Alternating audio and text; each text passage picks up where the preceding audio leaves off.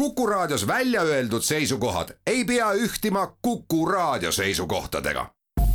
Te kuulate Kuku Raadiot. terviseks saadet toetab Lääne-Tallinna Keskhaigla, vaata ka keskhaigla.ee tere, head Kuku kuulajad, eetris on saade Terviseks ja kui me eilses saates rääkisime sünnitusest ja näiteks siis haiglas ja kodus sünnitamise mõlema eelistest, siis tänasel teemal jätkame, mina olen Ingela Virkus ja koos minuga on stuudios Lääne-Tallinna Keskhaigla Pelgulinna sünnitusmaja sünnitusosakonna vastutav ämmaemand Merit Tammela, tere taas! tere! Alustame sellest võib-olla, et ähm, millal ja millega sünnitus pihta hakkab, kuidas naine saab aru, et äh, nüüd algas sünnitus? Äh, tavaliselt on niimoodi, et äh, naise sisetunne juba võib siin päeval või öösel anda juba tunda, et midagi täna hakkab toimuma Äh, teinekord on niimoodi, et naised hakkavad jubedalt koristama, äh, hakkavad toimetama, me nimetame seda niisuguseks äh, pesa punumiseks. nii nagu loomariigis loomad, eks ole, pesa punuvad ennem kui laps, noh, need tibud või loomatallekesed tulevad ilmale, nii täpselt samamoodi teeb tegelikult inimene ka. ja kui nüüd tõesti kodus see sünnitusprotsess peale hakkab, siis naine tunneb esialgselt alakehas, et hakkavad kokkutõmbed, emaka kokku kõhutõmbed, need muutuvad järjest suuremaks ja tugevamaks, on selline tunne, nagu keegi selja tagant äh, kallistaks kõhu ümbert ja samas siis nagu natukene lükkaks nagu allapoole, et see emaka selline survetunne hakkab äh, tekkima ja need hakkavad regulaarse aja tagant käima, et see juba annab märku, et midagi hakkab täna toimuma. ja naine peabki jälgima, et kui tihedalt need käivad, äh, need tuhud, ja kui pikalt nad on, et äh, mõndadel on üpris kaua, on pikkade vahetega ja ühel hetkel, kui ikka seal viie, viie-seitsme minuti tagant need tuhud käivad regulaarselt tunnikene, tuleks mõelda juba selle peale, et võtaks suuna sünnitusmajja ja see ju siis ka vist ei tähenda veel seda, et äh, nii kui haiglasse on jõutud, siis laps kohe sünnib, kuigi on kindlasti ka selliseid näiteid, et tegelikult see sünnitus võib kulgeda ju väga pikalt jaa, et äh, võib ta pikalt, aga ei pruugi pikalt, et äh, see on täpselt nii, nagu loodus on meile andnud, äh, kuidas need lapsed siia ilma tulevad. küll aga jah, et tulete sünnitusmajja ja seal ämmaemand võtab teid kenasti vastu, vaatab, kui kaugel teie protsess on ja vahel juhtub ka nii, et saadetakse ka uuesti koju, et kui veel lähedal elate ka, saate veel nautida kodus mingi perioodi ja siis pöördute tagasi sünnitusmajja küll aga, kui on sünnitusprotsess korralikult peale hakanud ja juba hakkab emakakael avanema, siis suunatakse juba teid sünnitustuppa kas see, kui kiire sünnitus on, võib olla ka kuidagi pärilik, et äh, kui näiteks oma ema on sünnitanud kõik lapsed väga kiiresti ja probleemideta, siis tõenäoliselt tütrel või tütardel on samamoodi need sünnitused pigem sellised kiired ja kergemad? Me tahaks, et see nii oleks, et äh, me ja küsime seda küll naistelt, et kuidas emal läks, kuidas õel läks, et seda naist, naisliini pidi ta võiks ju alati minna niimoodi, aga me ei saa klammerduda selle teadmise külge, kuidas on läinud lähisugulasel. sest äh, kui me väga klammerdume sinna külge kinni, siis kui meil endal peaks minema see sünnitus teistmoodi, siis äh, tekib meil pettumus ja loomulikult pettumust me ei soovi kui äh, sünnitus on alanud, siis sünnitusega kaasneb naistel tihti see hirm, et äh, äkki see on nüüd tohutult valus, et kuidas ma selle nüüd üle elan ja on teil mingi selline soovitus, mis siis aitaks nende valudega hakkama saada või, või äh, mis võimalusi üldse haiglas pakutakse, et on ju ka epiduraal näiteks, et mida naine siis saab sellistel juhtudel kasutada? hästi oluline on rääkida enda hirmudes et ämmaemand kindlalt leiab teile lahenduse, kuidas selle hirmuga toime tulla, et kui me saame juba hirmu vähemaks, siis valu läheb ka kindlalt vähemaks. et väga oluline on see, et te räägite, ämmaemand näitab teile abivahendeid, hingamist õpetab, väga oluline on hingamine, enda keha nagu lõdvendamine, et see suudaks oma kehaga tuhude ajal lõdvaks lasta, seda kõike õpetatakse esmavalikuna me võtame ikkagi vee, kui vähegi saame, proovime duši all käia või siis vannis, küll aga jah, alati need ei aita ja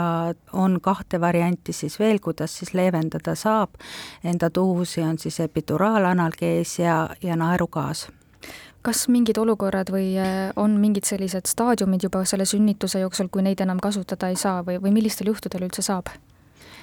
Epiduraali saab kasutada ennem väljutusperioodi ehk siis avanemise perioodi aktiivses vaadi, faasis, et kui me nüüd perioodidest räägime, et siis äh, sünnitusel ongi kolm põhiperioodi, on avanemisperiood, on väljutusperiood ja on päramisperiood. et avanemisperiood veel jaguneb kaheks perioodiks ehk latentseks ja aktiivseks. et see latentne periood ongi tegelikult see periood, kus hakkab vaevaliselt see emakakael siis avanema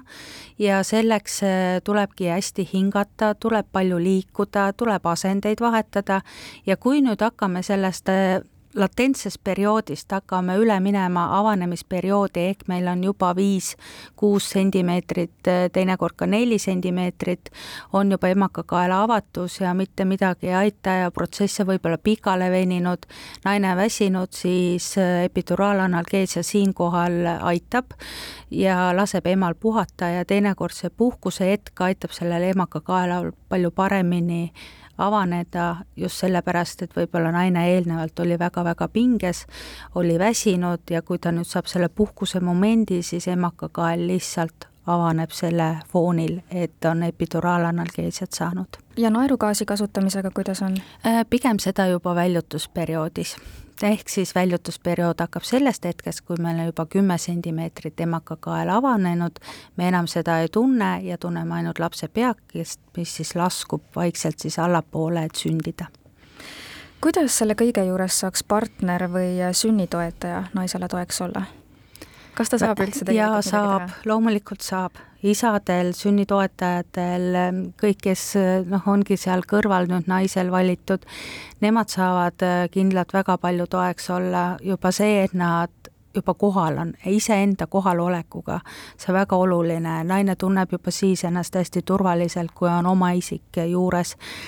tugiisik saab alati, saab kas masseerida naist väga palju peab jooma sünnituse ajal, juba ka see, et ulatab seda veepudelit,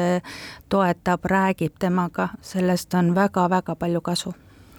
teinekord aga võib juhtuda midagi sellist, et vaja on keisrit. mis juhud need siis on, et keisrit kasutatakse? no selle otsuse kindlalt siis teeb äh, valves olev valvearst ja, ja see peab ikka hästi-hästi tõsine põhjus olema, sest siin eelkätt ikkagi äh, vaadatakse, et äh, ema jääks terveks, laps jääks terveks, et äh, selline otsus tuleb ikka siis, kui on näha, et see sünnitus vaginaalselt ei saa toimuma kui aga on nüüd sünnitus läbi saanud, mis siis edasi saab? Kui kaua naine taastub sellest kõigest? no niisugune jälgimisperiood peale sünnitust on äh, kaks tundi veel sünnitustoas, ämmaemand vaatab, kuidas laps imema rinda hakkab, äh, nõustab äh, perekonda, näitab, kuidas juba mähed panna, ja räägib sinna veel juurde, kõik need kaalumised, mõõtmised käivad. Ja kui ilusti naine juba tõuseb püsti, kõik tunneb ennast hästi, siis liigutakse edasi sünnitusjärgsesse osakonda, kus me siis pakume üldjuhul ikkagi peredele peretubasi, vahel on ka naised, kes äh, jäävad lapsega kahekesti, siis on võimalus võtta ema lapse tuba ja on ka üldtube et äh, naised äh, julgelt äh, kasutavad kõiki variante ja, ja kui ikka isa tahab juurde jääda, siis me leiame selle mooduse, et see isa seal sünnitusjärgses palatis oma uue ilmakodanikuga siis koos saab veeta ja õppida üksteist tundma. ehk et meditsiinipersonal on kogu aeg ümber, aga kui me eelmises saates rääkisime ka näiteks kodusünnitusest, kuidas siis pärast kodusünnitust kõik see korraldatud on, et kas noh, naine saab ju jääda oma lapsega koju, aga kas käib keegi kontrollimas ka beebi tervist, naise tervist või peab naine käima arsti juures ise kohal või kuidas see korraldatud on? Üldjuhul äh, seda kodusünnitu sünnitusteenuse osutav ämmaemand käib ka sünnitusjärgselt vaatamas seda pere, küll aga jah, kui ta näeb mingisuguseid kõrvalkaldeid, siis tal on koostöökindlad ka lastearstide ja naistearstidega, kelle juurde ta saab alati naist suunata aitäh teile saatesse tulemast, Lääne-Tallinna Keskhaigla Pelgulinna sünnitusmaja sünnitusosakonna vastutav ämmaemand Merit Tammela ning palju jõudu ja jaksu teile! ja suur aitäh kutsumast! terviseks saadet toetab Lääne-Tallinna Keskhaigla, vaata ka keskhaigla.ee